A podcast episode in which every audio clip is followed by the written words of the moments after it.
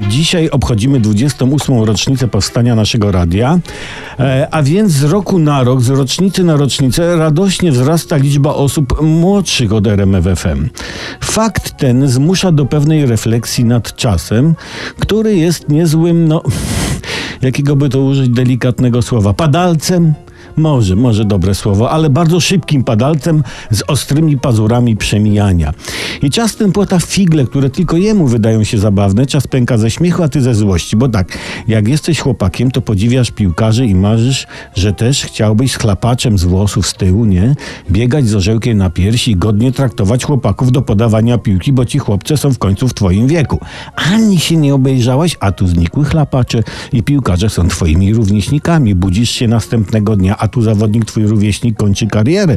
Po chwilę potem sędziowie na boisku są twoimi rówieśnikami. Mija ociupinę czasu, a sędzia twój równolatek przechodzi na emeryturę. Co za idiota w tak młodym wieku.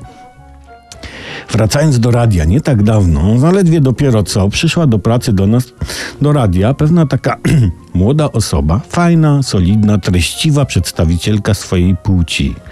No i ona, ta osoba, przyszła przepełniona słusznym zresztą podziwem dla mnie, prawda? O, ja. Więc ja, jeden teges, drugi teges, nie? A ona mówi do mnie... Pamiętam, jak rodzice słuchali pana, odwożąc mnie do przedszkola. Dziękuję, do widzenia. Nie mam więcej refleksji.